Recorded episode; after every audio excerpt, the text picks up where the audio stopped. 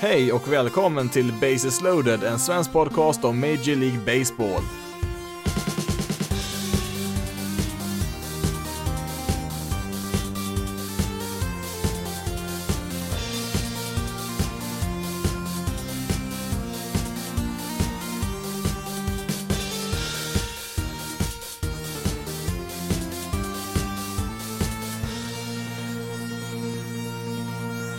Hej och välkommen till veckans avsnitt av Bases loaded, en svensk podcast om Major League Baseball. Och i veckans avsnitt så kommer det bli ett par uppdateringar i förhandlingsläget då inför en eventuell säsong i år. Det blir även några mindre notiser från veckan som gick och eh, på slutet så blir det även lite bok och poddtips. Vi kör igång då med hur det ser ut då inför en eventuell säsong i år och eh, ja, hur ligger det till egentligen då sen senast? Eh, ja, det är ju svårt att säga såklart, men det verkar väl gå lite åt rätt håll i alla fall. Eh, flera amerikanska guvernörer har ju sagt sig vara, vara positivt inställda till sportevenemang nu i sommar och eh, ja, de har väl nästan till uppmuntrat det här så att eh, det är väl ett gott tecken i alla fall. framförallt eftersom att Kalifornien, Texas och New Yorks guvernörer bland annat har sagt så här så att det, när de här lite större staterna drar åt ett håll så kan det väl innebära att många av de andra staterna följer efter. Eh, ser väl inte riktigt lika positivt ut i Kanada just nu som fortfarande har stängt sin gräns mot USA så att det, det skulle väl innebära i så fall att eh, Blue Jays eh, kanske då får hitta ett temporärt hem i USA till en början då, kanske i Dunedin i Florida där de har deras spring training komplex kanske de får börja spela i. Detta är såklart också väldigt beroende på hur pandemin fortlöper den närmaste tiden. Det minsta lilla bakslag här i den kampen mot coronaviruset här kan ju grusa alla ja, alla planer och förslag här som har kommit fram och ja, med andra ord så är det helt beroende utav att situationen fortsätter att förbättras eller att ja, i alla fall inte blir sämre. Eh, på tal om Spring Training Complex så har ju under veckan rapporterats att eh, laget lagen tänker lite olika på vart de eh, tänker starta upp sin egen Spring Training igen. Exempelvis Mets sägs säger sig ju rikta in sig på att ha sin Spring Training i Florida då New York är ju ett av de hårdast drabbade städerna i landet där med coronaviruset. Men sen har vi ju eh, lag som Phillies, eh, de verkar ju istället vilja ha sin uppladdning hemma i Philadelphia i sin ordinarie hemmaarena så att eh, eh det är lite olika hur det ser ut eh, på olika platser i landet så att det är lite svårt att pussla ihop det såklart, det är det ju och Sen är det faktiskt så här att en del lag har ju börjat öppna upp sina träningsanläggningar så att en del spelare åt gången kan komma in och få träna lite grann där och så, så att det går väl, ja, sakta men säkert lite grann framåt i alla fall. Sen är det ju en hel del andra saker också som måste lösas då innan vi verkligen är i spel igen. När det gäller den ekonomiska biten som kanske är den svåraste att lösa så har det varit ganska tyst här på sistone, vilket eh, ja, på ett sätt är det positivt att eh, det ser ut som att de eh, lägger mycket tid och energi på att förhandla så ansikte mot ansikte här istället för att lägga ut massa detaljer i media där och låta liksom förhandlingen ske öppet så här och ja, det är väl ett gott tecken så sett, men Eh, det negativa är ju att eh, man måste ju ha ett slutgiltigt beslut här ganska snart, säg slutet kanske redan på den här veckan för att eh, eh om man vill ha igång springtraining igen då i mitten av juni då och ordinarie spel sen i början av juli så mm, ja, då måste man ju som sagt ha ett beslut där i slutet av maj, kanske någon dag in i juni kanske också fungerar där, men det är ganska, ja, det börjar bli lite kort om tid där för att eh, få fram ett, eh, ja, en plan som eh, både ägare och spelare är nöjda med. I förra avsnittet så pratade jag om att ägarna ville dela på alla inkomster 50-50, alltså att eh, ägarna skulle få behålla hälften av alla inkomster i år och att spelarna skulle få dela på den andra halvan då istället för att de skulle få exakt vad som står i deras kontrakt att de ska tjäna i år. Eh, det här var en idé då som spelarfacket var ganska starkt emot eh, när det rapporterades om och ja, nu är det faktiskt här att rent tekniskt sett så har inte något ekonomiskt förslag lämnats över till spelarfacket eh, ens nu heller, för att eh, det förväntas lämnas över eh, ja, först på tisdag här, alltså den 26, vilket lämnar ganska, ja, ganska kort tid att eh, förhandla om det förslaget då som MLB väntas komma med här. Och ja, det är väl möjligt att de läckte ut det här 50-50 förslaget för att se lite reaktioner där och därefter då justera förslaget innan de officiellt då lämnar över det till spelarfacket då som måste godkänna det för att det ska kunna bli något spel, men Ja, behöver vi ett beslut då eh, innan eh, maj månad är över? Ja, kommer förslaget den 26? Ja, då kan du ju räkna ut, det är inte speciellt många dagar där att eh, förhandla om de villkoren där, så att det är ju Ja, det känns inte så jättelovande där, för att det verkar ju som att ägare och spelare var ganska långt ifrån varandra, ja, för en vecka sedan i alla fall. Sen har det väl varit så här att de flesta parterna verkar väl ha varit försiktigt optimistiska att de ska få till någon uppgörelse här, men Eh, ja, jag tror nog att både ägare och spelare kommer att få kompromissa från sin nuvarande position om, om det ska bli något spel i år, men eh, det är som sagt inte speciellt många dagar man har på sig här om man som sagt vill kunna spela då i början av juni.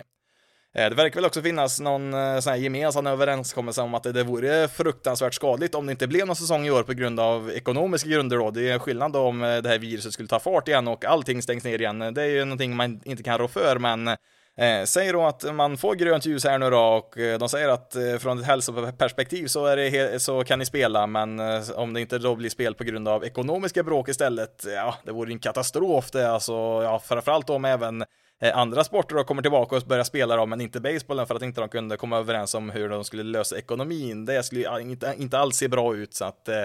Eh, det finns ju ganska mycket att förlora från båda sidorna här, alltså både från ägare och eh, spelare, så att eh, förhoppningsvis innebär det väl att man kan hitta en lösning när man har det i bakhuvudet här, även om man då kanske står en bit ifrån varandra här nu just nu när man förhandlar, men när det väl närmar sig där så tror jag nog att båda sidor har ju incitament att verkligen försöka göra allt vad de kan för att få igång en säsong för att Eh, även om ena sidan skulle få ett eh, lite sämre avtal då inför den här säsongen så är det eh, fortfarande mycket, mycket bättre än att hela säsongen ställs in. En inställd säsong är ju det värsta som kan hända för alla inblandade parter här så att ja, jag är väl lite försiktigt optimistisk till att man ska hitta någon lösning här relativt snart, men med allt det sagt så är det ju ganska dålig timing här med pandemin. Ja, inte för att det finns någon bra timing när det gäller det, men när vi kollar på MLB-landskapet då så Eh, blir väl det här lite grann av en försmak av förhandlingarna inför nästa kollektivavtal eh, som ska skrivas efter nästa säsong där, så att eh, ingen sida vill ju direkt ge med sig här heller, för det kan ju ja, uppfattas som svaghet inför nästa års förhandlingar då, så att det är ju en liten nackdel här. Framförallt spelarna har ju den senaste tiden, även innan coronaviruset, inte varit speciellt positivt inställda till ägarna då inför de här förhandlingarna som ska ske nästa år då. De har ju sett Eh, free agent-kontrakten minskar ganska rejält de senaste åren och ja, lönerna i hela ligan har ju faktiskt krympt lite grann här, trots rekordinkomster så att eh, eh, det är ju inte någon optimal situation som de här förhandlingarna sker i, utan det har ju varit lite laddade kommentarer inför nästa års förhandlingar då och ja, det kan ju sätta lite käppar i hjulet inför de här förhandlingarna som sker just nu. Något som faktiskt har lämnats över till spelarfacket officiellt, eh, det är ju det här förslaget eh, på restriktioner och andra regler då för att eh, säkra allas hälsa då under en säsong i år då för att undvika viruset.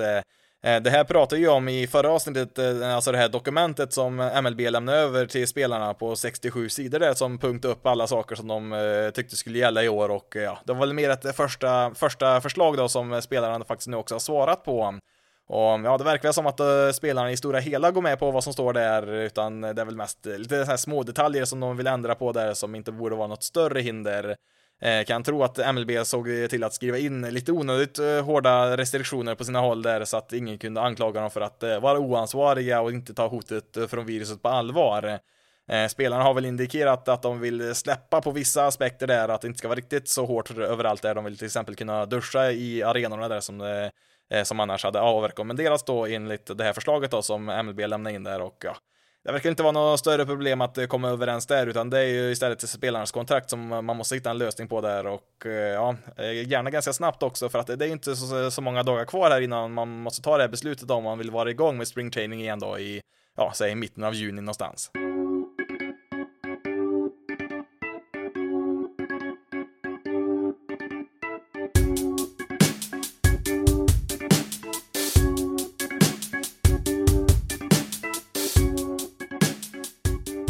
Vi lämnar förhandlingarna där för den här gången i alla fall och eh, tänkte jag skulle ta en annan aspekt här som eh, påverkar alla lagen under rådande omständigheter som jag inte tror jag nämnt här i podden förut i alla fall. Eh, det är ju så här att MLB-lagen, de, ja, de har ju inga inkomster alls just nu och det är ju inte bara spelarnas löner de vill sänka här utan varje lag har ju säkert en 200-300 personer anställda i sitt front office. Antalet kan ju variera ganska kraftigt beroende på vilket lag man kollar på men Eh, vilka är det då som jobbar i ett front office? Eh, ja, det är lite allt möjligt folk man hittar där. Eh, det är ju allt från lagens general manager till scouter, fystränare, klubbläkare, biljettförsäljare, programmerare, säkerhetschefer, revisorer, lagfotografer, advokater, elektriker och ja, en himla massa olika assistenter finns det också till alla de här positionerna där och ja, det blir ju lite lönekostnader här också då, även om de flesta inte kommer i närheten av de lönerna som spelarna har. Eh, olika lag har ju hanterat eh, den här personalfrågan lite annorlunda. En del lag eh, fortsätter ju att ge all personal full lön säsongen ut och sen är det ju andra som har sänkt lönen på sina anställda då, men de får i alla fall ha kvar jobben. Eh, på sina håll så har det även eh, blivit eh, lite permitteringar här nu på sistone. Eh, framförallt Los Angeles Angels har permitterat eh, personal från i stort sett varenda avdelning som de har där i sitt front office och Eh, lite extra är förvånande här är ju att eh, det gäller även deras scouter, inte precis allihop då, men framförallt deras lokala scouter har permitterats här och eh, det är alltså de här scouterna som, ja, de har väl alla ett varsitt område utav landet då som de ansvarar för att kolla på spelare som kan vara intressanta att drafta och så ja, det säger sig självt att det känns väl inte jättestabilt att liksom göra sig av med dem ett par veckor då innan draften som sagt. Eh, nu finns det väl i och för sig då inte jättemycket jobb för en scout i nuläget när det gäller att eh, titta på spelare då eftersom att det inte spelas någon baseball någonstans och ja, deras rapporter är väl säkert eh, färdigställda då eftersom att draften är på gång här ganska snart då den 10 juni. Eh, saken är ju den att eh, scouter är ju användbara även mitt under själva draften, framförallt när det gäller deras insikt kring hur mycket pengar de draftade spelarna kan eh, tänka sig att skriva på för. Eh, varje lag har ju en specifik summa pengar att spendera i draften eh, som de kan fördela ja, i stort sett eh, hur de vill där mellan valen. Det finns vissa begränsningar då och så, men ja, rent teoretiskt sett så kan du ge mer pengar till ditt 37 val i draften än ditt första val. Nu kommer ingen att göra det såklart, men det är ganska fritt hur man väljer att portionera ut pengarna där och i samband med draften så brukar man kolla upp vilken summa pengar spelaren ja, kan tänka sig på att gå med på för att en high school-spelare, om inte den är nöjd med sin bonus som den får, då kan ju den istället fortsätta att spela på college och finns väl även vissa college-spelare som har möjlighet att eh, spela något år till på college och som också kan tacka nej där så att eh, eh gillar de inte erbjudandet så har de faktiskt rätt att tacka nej där och försöka kanske nästa år istället. Det brukar väl främst vara de här lokala scouterna som har bäst eh, koll på hur spelaren eh, tycker och tänker om olika saker då, som till exempel eh, vad de kan tänka sig att det skriva på för, för bonus och Alltså scouten blir ju liksom länken mellan MLB-laget och spelaren som liksom har en relation med spelaren och ja, kanske även dens familj när de åker runt och intervjuar dem och sånt här. Så att Eh, det finns väl en viss säkerhet eh, när de pratar i telefonen då med laget om det är en välkänd röst där, framförallt om de står inför ett eh, livsavgörande beslut då, som draften kan vara. Det är ju också så här att lagen, alltså MLB-lagen har ju en del information även utan scouter, för många skolor då, både på high school och college har ju olika mm, ja, som instrument som mäter hur snabbt spelarna springer och hur hårt de kastar och lite sånt där. Så det har de ju ganska bra koll på, men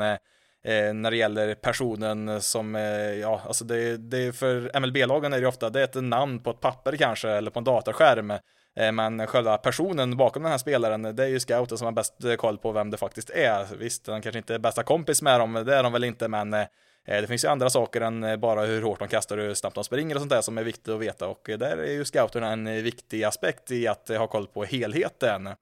Eh, framförallt så är det väl lite knepigt eh, för att draften i år då är ju bara fem runder. I vanliga fall så draftar man ju 40 runder, eh, men ja, nu blev det lite annorlunda här i år då, men eh, det betyder ju att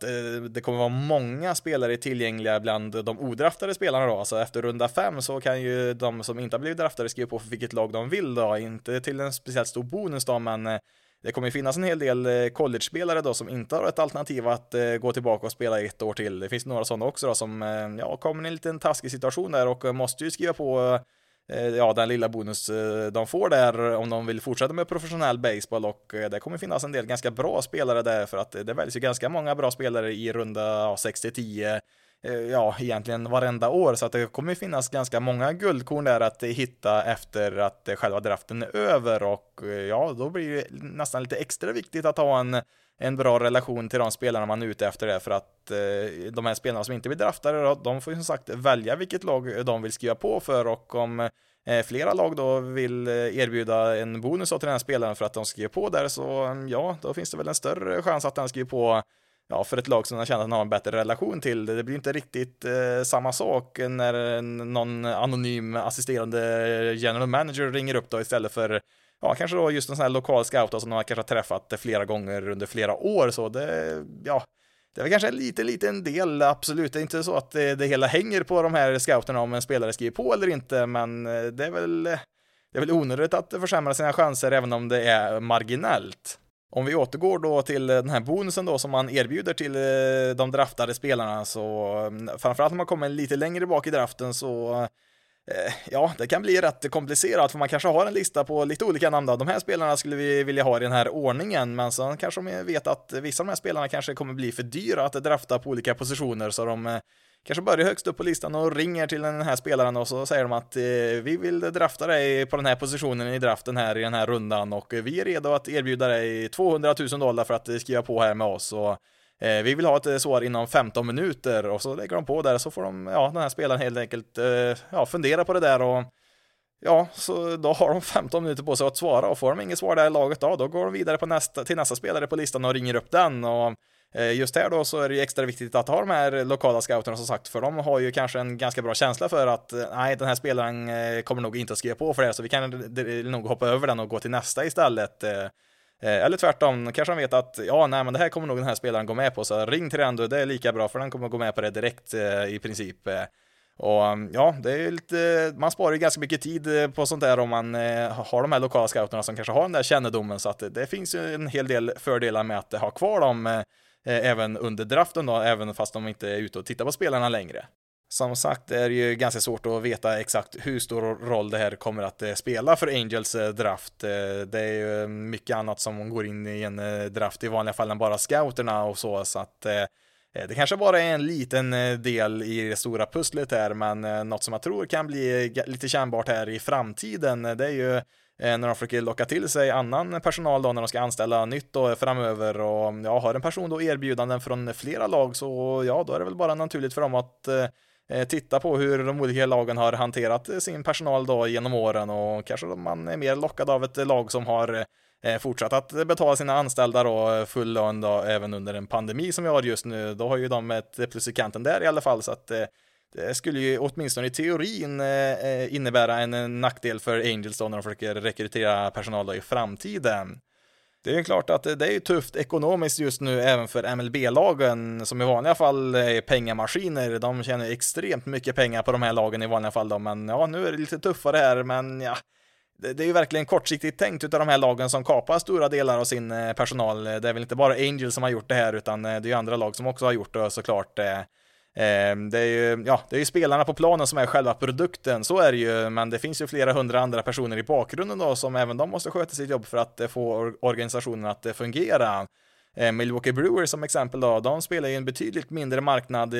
med mindre ekonomiska förutsättningar än vad Angels har och de har ju meddelat istället att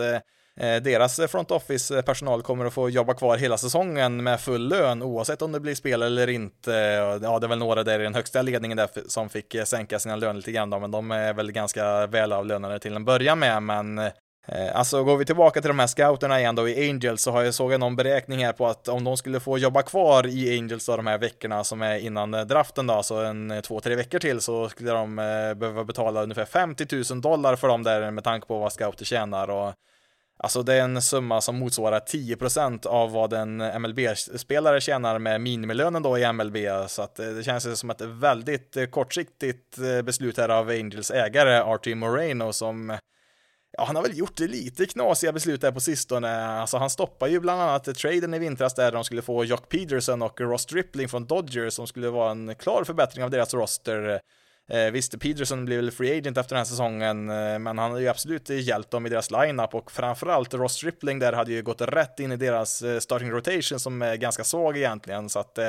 eh det här hade ju varit en trade som hade stärkt deras lag eh, väldigt mycket. Nu var han väl aldrig officiell, eh, så jag tror inte han stoppade den väl från att eh, gå igenom helt och hållet, utan Eh, Eh, den här traden eh, hängde väl lite grann på eh, traden med Mookie Betts där och som bekant så tog ju den lite, lite längre än väntat där och nu var det väl inte helt glasklart vem som sa vad där i den förhandlingen men det verkar väl lite grann som att Moreno hade ett finger med i spelet där när, de, när det inte blev någonting där och om det i så fall stämmer så ja, det känns väl som ett litet tjänstefel där och ja, framförallt ska man hålla sig därifrån. Det är ju inte han som ska ta de där besluten egentligen då, även om man är ägare. Det finns ju folk som är bättre Eh, på att eh, ta de besluten. Förslagsvis då deras general manager Billy Epler där och eh, Ja, en annan sak som är, ja, som är nog mer säker på att ha med Moreno att göra, det är en annan trade som hände i vintras här som inte fick så mycket uppmärksamhet. Så inte riktigt den här logiken i att trada bort Zach Cozart, deras tredje basman som har, ja, de två åren som han varit där så har han ju varit väldigt mycket skadad och när han väl varit på planen så har han inte spelat bra så att jag förstår att de inte, att de inte vill, vill ha honom kvar på deras roster men Eh, det vill ju samtidigt inte något annat lag heller såklart med hans eh, kontrakt eh, och enda sättet att trada en sån spelare det är att skicka med någon värdefull spelare tillsammans med Cozart och det gjorde ju att Angels då tradade bort Cozart tillsammans med sitt första val i draften förra året, Will Wilson till Giants då och ja, alltså man vill ju bli av med pengarna på Cozarts kontrakt som ja, för övrigt går ut efter den här säsongen. Men för att någon då skulle gå med på det här då så var de tvungna att Eh, skicka med ett rätt hyggligt prospect då. Alltså Will Wilson gick ju i, ja, i mitten av första rundan då förra året så att eh, det är en ganska hög eh, plats då i draften där som ja, borde indikera att han är ett rätt hyggligt prospect i alla fall. Och ja, alltså enda anledningen att jag kan se till att man gjorde det här, det är för att eh, deras general manager då, Billy Appler då, han måste i stort sett ha fått ett mandat från ägaren här att dra ner lite på lönerna då efter att man har signat Anthony Rendon där för ett stort kontrakt och Alltså visst, 12 miljoner dollar hade ju Cozart eh, på sitt kontrakt i år och eh, det är ju lite pengar absolut, eh, så är det ju, men Alltså, man gör ju en kortsiktig vinst i år då till bekostnad av en spelare då i Will Wilson här som potentiellt kan bidra i MLB i 6-7 år här innan han blir free agent. Och ja, alltså visst, Wilson är väl inget superprospect på någon sån här topp 100-lista över bästa prospects, det är han väl inte, men förutspås ju ändå kunna ja, kunna vara en eh, duglig MLB-spelare och eh, anledningen till att han ändå går i första rundan så att eh, ja, det är återigen det här kortsiktiga tänket här från Angels sida då som ja, jag förstår ju att man vill ju vinna ganska snart här med Trout och Randone i sina bästa år, men det finns ju mycket annat man måste göra här för att det här laget ska kunna gå hela vägen. Framförallt i deras rotation måste man ju absolut stärka upp det för att de ska kunna vara ett hot på allvar, så att Ja, det är väl ett eh, lite eh, långt sätt för mig att säga att jag är lite orolig för Mike Trouts eh, framtidsutsikter här att få honom i ett slutspel igen, för jag är inte helt övertygad om att den högsta ledningen här i laget riktigt är rätt man för jobbet just nu.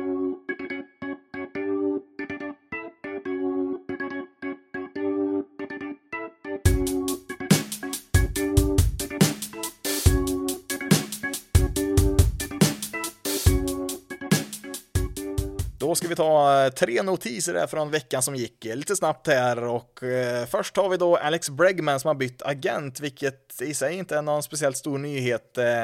eh framförallt inte med tanke på att eh, hans eh, kontrakt då inte går ut förrän efter säsongen 2024, så att det inte är direkt aktuellt för några förhandlingar där heller. Men anledningen där är ju däremot lite intressant eller ja, mest är det väl lite småroligt eh, får jag väl säga, för anledningen sägs vara att hans eh, ja, för detta agent då, Brody Schofields agentverksamhet såldes här ett par gånger och hamnade till slut hos Clutch Sports då, som nu äger den här agentverksamheten då, som Bregman var inblandad i och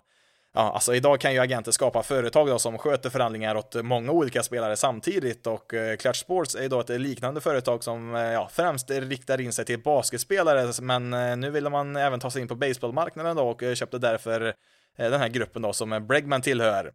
Eh, vad är det då som är problemet med det här? Eh, jo, det är ju så här att när man tänker på de största stjärnorna i den amerikanska basketen där borta då, så är det ju LeBron James som är det största namnet i dagsläget då, bland aktiva spelare i alla fall. Och Eh, LeBron är ju då en del utav just eh, Clutch Sports Group som det heter, men han står även bakom en annan organisation med eh, namnet Uninterrupted som nyligen kom ut med att de ska producera en dokumentär om Astros säsong 2017 då, specifikt då med deras sign stealing som de höll på med det året. Något som Bregman då nog inte var så jätteförtjust i och det blir väl rätt genomskinligt här när han byter agent och, eller ja, agentfirma då rättare sagt mindre än en vecka efter att den här planen publicerades och ja, förstår väl Bregmans syn på det hela, alltså hans agent och alla andra som representerar honom ska ju göra liksom det bästa de kan för att eh, liksom hjälpa honom och liksom se bra ut och sådär eh, i både kontraktsförhandlingar och även PR-mässigt också då, men ja, jag tycker det är lite lustigt bara att det bara dagar efter att eh, den här dokumentären, eller planen på dokumentären blir känd så lämnar han den här agentfirman då direkt så, så att eh, det går väl inte direkt att eh, ja, tolka det på något annat sätt att, han, eh, att det är en protest mot just, eh, mot just den här dokumentären då. Och, eh, samtidigt förstår jag väl honom också. Han vill ju distansera sig så mycket som möjligt från science skandalen och ja, att säga vad man vill om Bregman och Astros agerande de senaste åren här, men eh, jag ska väl också ge Bregman en liten klapp på ryggen här ändå, för att eh, sen den här rapporten kom ut där från MLB i början av året där när de visade vad Astros hade hållit på med så har ju faktiskt ja, bortsett från de här första dagarna där så har ju Bregman sett till att mestadels hållit tyst om saken för att inte förvärra situationen och eh, Eh, framförallt så har han ju sett till att istället eh, jobba väldigt mycket med välgörenhet den senaste tiden och ja, en del kanske då bara säger att eh, det är för att det distraherar och eh, liksom, eh, tvätta hans rykte från Seinstein-skandalen, men frågar du mig så är det väl bara eh, positivt om han eh, gör bra saker för folk i samhället som har det svårt annars. Och, så han får väl jättegärna fortsätta med det oavsett motiv. Eh, Eh, som sagt, man kan ju säga både det ena och det andra om Astros-spelarna efter vad de har gjort på planen, men eh, när man lägger ner sin tid och eh, förmögenhet i det här fallet då med Bregman som han har gjort eh, på sistone så ska man väl också påpeka de positiva sakerna. Det ska man absolut göra, för han har ju som sagt eh, agerat på ett väldigt bra sätt ändå. Han, visst, han har väl smugit undan de här anklagelserna, det har han absolut, men om man istället eh, väljer att eh, lägga den tiden på att hjälpa andra istället för att prata om science så ja, då kan jag väl gå med på det också. Malone looking for his first hit of the year. He drives one deep left field. That goes Upton back near the wall. It's out of here. Bartolo has done it. The impossible has happened. Bartolo Colon är tillbaka, kanske i alla fall, eller ja, förmodligen inte, men vi får se helt enkelt. Eh, senast han var i MLB så kastade han ju 140 innings både säsongerna 2017 och 2018, men hans ERA hamnade ju på över 16 åren där, så att eh, han fick ju ingen chans förra året. Eh. Men före Sayang-vinnaren och stolt ägare utav en, ja, kanske den mäktigaste homerun som har slagits de senaste åren har ju inte gett upp hoppet om att få en sista chans här i MLB, trots att han fyllde 47 här i söndags. Eh, han har ju 552 MLB-starter i sin eh, karriär som startade 1997 och det är faktiskt bara 20 andra pitchers som har lyckats med så många starter sedan andra världskriget och bara sex av de där 20 har gjort det sedan 2000-talet. Ja, han har väl sagt att han väldigt gärna vill återvända till främst Mets, är väl hans favoritplats verkar det som. Han spelade ju tre säsonger där 2014 till 2016 och blev ju en publikfavorit där. Eh, kanske främst då för hans eh, ofta väldigt tafatta försök att svinga slagträtt där. Eh, har nog ganska svårt att se att något lag ens tar en chansning på honom. Tyvärr, hade jättegärna sett honom något år till. Han är ju en liten eh, rolig figur så, det är han ju absolut, eh, men eh, Alltså det hade väl kanske funkat för något lite sämre lag där för, som ett litet PR-trick där för att få in några extra åskådare när han startar. Men nu kommer det inte vara någon publik på läktaren i år så att det, det kommer inte vara någon idé där heller så. så att jag har svårt att tro att något av de 30 lagen eh, är intresserade här och jag tror de hellre chansar på något prospect i sitt system där som kan bidra under många år framöver men ja, ska väl aldrig säga aldrig och eh, lagen kommer väl att behöva lite extra spelare i reserv den här säsongen så att det finns väl en liten liten chans ändå att vi kan få se Bartolo Colon även 2020. Till sist har vi tyvärr lite tråkiga nyheter för Rays pitching prospect Brent Honeywell som återigen tvingats till en eh, armbågsoperation. Det är faktiskt tredje gången han har gjort det på lika många år. Eh, Honeywell startade 24 matcher i AAA 2017 och hade ju en del bra resultat där och var ju på god väg att spela in i Rays Rotation då kanske till säsongen 2018 men eh, saken är ju den att alla de här skadorna har gjort att han inte spelat en enda match ens i Minor Leagues då sedan just den 3 september 2017. Eh, våren 2018 då så var det väl aktuellt att han skulle kunna ta sig in i deras rotation, men då åkte han ju på en Tommy John-operation där och eh, för ungefär ett år sedan då så fick han en fraktur sen i samma armbåge när han rehabtränade då efter operationen. Eh, tanken var väl då istället att han eh, nu i år då äntligen skulle få ta sig in i race rotation, kanske inte direkt då från opening day då om den hade spelat som vanligt, utan det hade väl kanske blivit lite senare under året då, för han har ju som sagt inte kastat på ett bra tag då i matcher, så att han har ju fått inleda säsongen då i minor leagues och Eh, Eh, sen fått jobba sig igång där istället innan han hade fått eh, debutera då för race, men eh, nu ser det väl inte ut att bli någonting alls, även om det blir en säsong i år. Man har nämligen varit tvungna då som sagt att operera den armbågen igen där, man var tvungna att rätta till någon nerv där, så mm, man tror väl att han möjligtvis i allra bästa fall skulle kanske kunna vara tillbaka i precis i slutet av den här säsongen då, om det nu ens blir något spel såklart då, men Eh, med tanke på att eh, han då skulle vara tillbaka i princip tre år efter senaste matchen han har spelat så är jag ju väldigt tveksam till att eh, Race eh, tar med honom i ett eventuellt eh, slutspel då som han kanske skulle kunna spela i rent tekniskt sett. Eh, visst, möjligtvis i en bullpen-roll då, men då skulle jag nog tro att eh, man är ganska desperata för Rays sida där eftersom man har en hel del andra alternativ att eh, sätta in före honom där och mm, Eh, ja, så det här är ju ett väldigt högt rankat pitching prospect vi pratar om här som har varit väldigt högt upp på listorna eh, tidigare och trots att han då inte spelat en enda match då 2018 och 2019 så eh, fanns han faktiskt med på en del topp 100-listor för prospects då även nu i våras här inför den här säsongen så att det här är ju en spelare som de flesta tror har potentialen att bli väldigt, väldigt bra, men det är ju svårt att säga nu när han då kommer att missa då tre säsonger i rad. Eh, det spelar väl inte någon roll eh, hur mycket talang man än har, att missa så lång eh, tid, det kan ju förstöra ganska mycket, så vi får väl se hur det ser ut om man väl kan komma tillbaka. Det är ju det också det är ju inte någon som vet i vilket skick hans armbåge kommer att vara när han väl kan börja kasta igen i matcher, om han ens kommer att göra det. Det är som sagt det tredje året i rad som han åker på en armbågsskada, så det finns ju ingen garanti att han inte kommer drabbas av någon här i framtiden. Eh, men i alla fall då, om vi förutsätter att han då inte kommer tillbaka i år då, så skulle det innebära då som sagt att han missar tre hela säsonger då utan att kasta en enda tävlingsmatch. Och um, Ja, jag lider ju här med Honeywell såklart, som har varit så nära så många gånger här nu de senaste åren att eh, äntligen få komma upp på den allra högsta nivån och spela i MLB, liksom drömmen för de allra flesta spelarna i alla fall. Eh, jag ska inte tala för Honeywell, men det är ju någonting som man liksom har jobbat för i större delen av sitt liv och ja, nu tar det ju stopp en gång till här. Eh, förhoppningsvis så har han väl eh, fortfarande en, i alla fall en relativt lovande karriär framför sig här. Han är ju inte jättegammal, men han fyller ju för sig 26 är lagom till opening day nästa år, så att eh, det är ju inte jätteungt det heller, men det finns ju andra pitchers som har startat så sin MLB-karriär också, så att det är inte så att det är helt kört här ändå.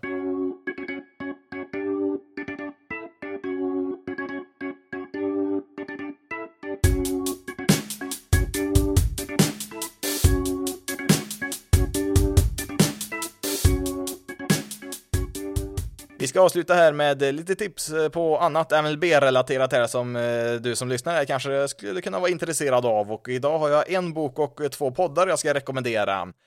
Först tänkte jag då nämna boken Powerball, Anatomy of a Modern Baseball Game som är skriven av Rob Nyer som har skrivit en hel del andra böcker också och har ju skrivit om baseball, ja, sedan 80-talet tänker jag i alla fall. Eh, den här boken kom ut 2018, eh, handlar om en match då mellan Astros och Ace i september 2017 och den här matchen i sig är ju ganska betydelselös, eh, men det är liksom bara, man säger, fordonet för det här som Nair vill berätta den här matchen då, för han bryter ju ner den här matchen och tar ut om många olika saker som händer i den här matchen och förklarar eh, varför ja, en match ser ut som den gör idag och han går ju igenom till exempel då om spelare som eh, kommer upp och ska slå i den här matchen som för 15 år sedan kanske aldrig fått eh, ens chans när han spelade i MLB eftersom att man värderade andra egenskaper av spelare förr i tiden och så vidare. Eh, till exempel så berättar han ju om eh, Jose Altuves ganska osannolika resa från ett marginellt prospect som knappt någon kände till eh, till MVP då just den här säsongen 2017 och Visst, den här boken skrevs ju innan science-stealing-skandalen blev känd där, men Altuve är ju trots allt en eh, väldigt bra spelare, även om han kanske har fuskat lite grann där. Nu är det väl lite oklart hur mycket det här hjälpte honom, men ja, i alla fall då så eh, plockar ju Nair ut ett, eh, ja, en rad olika situationer som uppstår i den här matchen då och eh, berättar då hur det skiljer sig från hur matcher spelades eh, förr i tiden. Det är kanske är lite svårt här att eh, sälja in den här när jag pratar och så, det är lite svårt att sätta ord på den så, men det är en bok som jag starkt rekommenderar i alla fall om man vill, vill få en bättre förståelse för hur de olika lagen tänker idag när de bygger en roster. Eh, alltså han eh, berättar ju om olika typer av spelare som eh, deltar i den här matchen då och berättar om, ja, alltså hur den här spelaren hade värderats förr i tiden jämfört med idag och så vidare och går, går även igenom lite taktiska beslut som sker på planen och så vidare, för det har ju hänt väldigt mycket på ganska kort tid i MLB om man Eh, bara går tillbaka till runt millennieskiftet så är det ju som sagt en väldigt stor skillnad på vilken, vilken typ av spelare som är på planen idag och även en hel del taktik också. Så att eh, eh det här är en bok som sagt jag rekommenderar väldigt mycket. Jag tyckte den var väldigt intressant i alla fall, eh, framförallt med tanke på hur han valde då att presentera allt han ville säga här, alltså att han följer då en ordinarie match och berättar då saker allt eftersom att det händer i matchen då så att han inte bara liksom sätter punkt A och så berättar de om det och sen punkt B och berättar om det utan Eh, boken får ju ett väldigt bra flyt eftersom att den eh, följer en naturlig rytm i en vanlig match då istället för att bara liksom presentera fakta på fakta så att eh, det lyfter den här boken ytterligare en nivå här och ja, som sagt Powerball är då den här boken jag rekommenderar den här veckan. De två poddarna jag tänkte att eh, presentera här som kanske är intressant för de som lyssnar, de har samma tema här, nämligen Seattle Mariners. Men även om du inte är ett Mariners-fan så tror jag nog en av de här eh, två poddarna kan vara intressant för, ja, egentligen alla fans. Eh, för då har vi ju nämligen The Wheelhouse som är en podcast med Mariners general manager Jerry DePoto som brukar under säsong i alla fall då sitta en gång i veckan och prata en halvtimme till en timme. Han, han blir väl intervjuad i stort sett utan någon där som jobbar för Mariners och Eh, han berättar ju då en hel del om hur det går till liksom i ett front office då, i alla fall då när det gäller en general manager. Han pratar ju om, eh, ja, dels lite specifika spelare i Seattle och såklart, det pratar han ju om då, men även om processen, hur det kan gå till när man ska göra trader och lite sånt där och ja, liksom lite bakom scenerna får man gå in där och jag tror inte att det finns Eh, Eh, någon general manager som har varit i närheten av att eh, liksom, eh, regelbundet prata om sitt jobb så här, utan visst, de är ju med i intervjuer och sånt här ibland i andra poddar och i andra tv-inslag och sånt där, men Eh, Depoter då, som sagt, han har ju i sitt kontrakt tror jag till och med inskrivet att han ska spela in en sån här, ett sånt här avsnitt eh, en gång i veckan. Eh, I alla fall då när säsongen är igång. Han har väl inte gjort så speciellt många avsnitt nu på sistone. Det var något förra veckan i och för sig tror jag han pratade lite grann då, men Eh, Eh, när säsongen är igång här så ska det ju börja komma ut de här avsnitten och det finns väl en del intressant kanske att gå tillbaka och lyssna på också. Visst, han har ju såklart eh, eh, sin inriktning mot vad Seattle Mariners gör då, men det han liksom säger där, det kan man säkert överföra till en viss del även på andra lag också, så att jag tycker att det är intressant även för fans av andra lag att lyssna på det här också om man då vill som sagt ha en liten inblick bakom senare hur det kan gå till då och sen visst när han pratar om kontrakt och free agents och trader och sånt där så är det såklart Eh, hans egna spelare han kommenterar då, som han eh, skriver kontrakt med eller kanske tradar och så vidare. Det är liksom, eh, en general manager ska ju inte öppet i alla fall kommentera andra lags kontrakt och sånt där. Det skulle nog inte bli så populärt tror jag, så att han pratar ju såklart främst om sina egna spelare såklart, men tycker ändå att det är intressant även om man i vanliga fall då Eh, håller på andra lag eh, i ligan så finns det ändå en del intressant här för han är ganska skön att lyssna på så han är ganska underhållande och han har ju även perspektiv som spelare för han eh, var ju själv en reliever i mitten av 90-talet där någonstans, spelade lite grann i MLB, så att han har ju lite erfarenhet som spelare också, så att han har ju väldigt mycket berättelser så att berätta om genom sin karriär, både som spelare och sen då i ett front office då, för han har ju varit i lite andra lag också såklart, så att Eh, The Wheelhouse, eh, det är en podcast jag absolut kan rekommendera, framförallt då när säsongen börjar komma igång igen och de börjar producera lite mer avsnitt. Till sist då innan vi avslutar det här avsnittet eh, tänkte jag för er som faktiskt är Seattle Mariners-fans då när vi ändå pratar om det här laget så finns det en podcast som heter Extra Innings från tidningen Seattle Times som ja helt enkelt har inriktning mot Seattle Mariners och ja de pratar väl lite allmänt om MLB också såklart då, men främst är det de Mariners de pratar om och eh, då är det Ryan Divish och eh, Larry Stone som skriver för den där tidningen som har den här podcasten då och eh, eh framförallt Larry Stone där har varit med väldigt länge där, eh, rutinerad och skriver ju en bok faktiskt här nu om Edgar Martinez, hans biografi tillsammans med Edgar Martinez också då, dessutom så att eh, det här är ju två personer som har väldigt bra koll på Mariners och Ryan Divish är ju deras beat reporter, alltså de här journalisterna som Eh, Eh, reser med laget även på alla bortamatcher och liksom följer dem året om, eller inte året om då, under hela säsongen rättare sagt, följer dem med och intervjuar alla spelare, eller ja, vissa spelare efter olika matcher och så. Så att eh, de har ju liksom en relation med i stort sett alla spelare och även andra som jobbar för Mariners så, så att eh, de har ju väldigt bra koll på hur det ligger till där i det mesta i alla fall. Sen kan de väl inte skvallra om precis allting, det kan de väl inte göra, men ja, jag tycker det är en väldigt bra podcast i alla fall om man vill ha koll på Seattle Mariners kan vara lite oregelbunden ibland. Eh, jag tror väl att de har som mål att eh, göra ett avsnitt i veckan och sånt där, men eh, det, det händer väl någon gång då och då att det blir någon lucka. Så, så har det väl absolut varit någon gång och ja, nu på sistone då så är det här en podcast som inte har gjort speciellt många avsnitt. Eh, det var väl ett ganska nyligen här då, men förhoppningsvis då när säsongen kommer igång då så kan väl de börja producera lite mer avsnitt där. För som sagt, det är en podd jag rekommenderar då om man vill ha lite bättre koll på Seattle Mariners. Då får det räcka här för veckans avsnitt. Eh, blev lite sent här igen då, eh, lite senare på måndagen kommer det ut här då, men eh, var tvungen att spela om ett par saker i slutet av podcasten så att det fick dröja lite här så att det blev rätt här. Kan väl nämna här då när jag spelade in det sista här på måndagen att det har väl kommit ut någon mer detalj här om vad som kan vara med i det här förslaget ekonomiskt då från MLB till spelarna och Eh, det verkar väl som att eh, ägarna har dragit eh, tillbaka en viss del av den här förslaget när det gäller att dela på inkomsten då. Kanske blir en aspekt av det här förslaget. Jag vet inte exakt hur det kan se ut då, men det ser väl ut som att en sån här 50-50 delning kommer inte att bli något officiellt förslag i alla fall då från MLB sida. Men ja, vi får väl se här då. Som sagt, tisdag den 26 här är ju dagen som man har sagt att man ska lämna över det här, så vi får väl se då vad som står där när det kommer ut. Eh, du kan följa Basis Loaded på Twitter, Facebook och Instagram. Eh, då letar du upp basisloaded.se. Du kan även mejla till basisloaded.se gmail.com. Eh, om du har tid, lust och möjlighet att betygsätta och skriva omdömen om den här podcasten där du lyssnar på podcast så skulle jag uppskatta det väldigt mycket för det hjälper andra att hitta den här podcasten. Men nu har jag pratat tillräckligt för idag. Mitt namn är Jonathan Fabri. Tack så jättemycket för att du har lyssnat på det här avsnittet av Basis loaded. Ni får ha det så bra där ute så hörs vi i nästa veckas avsnitt.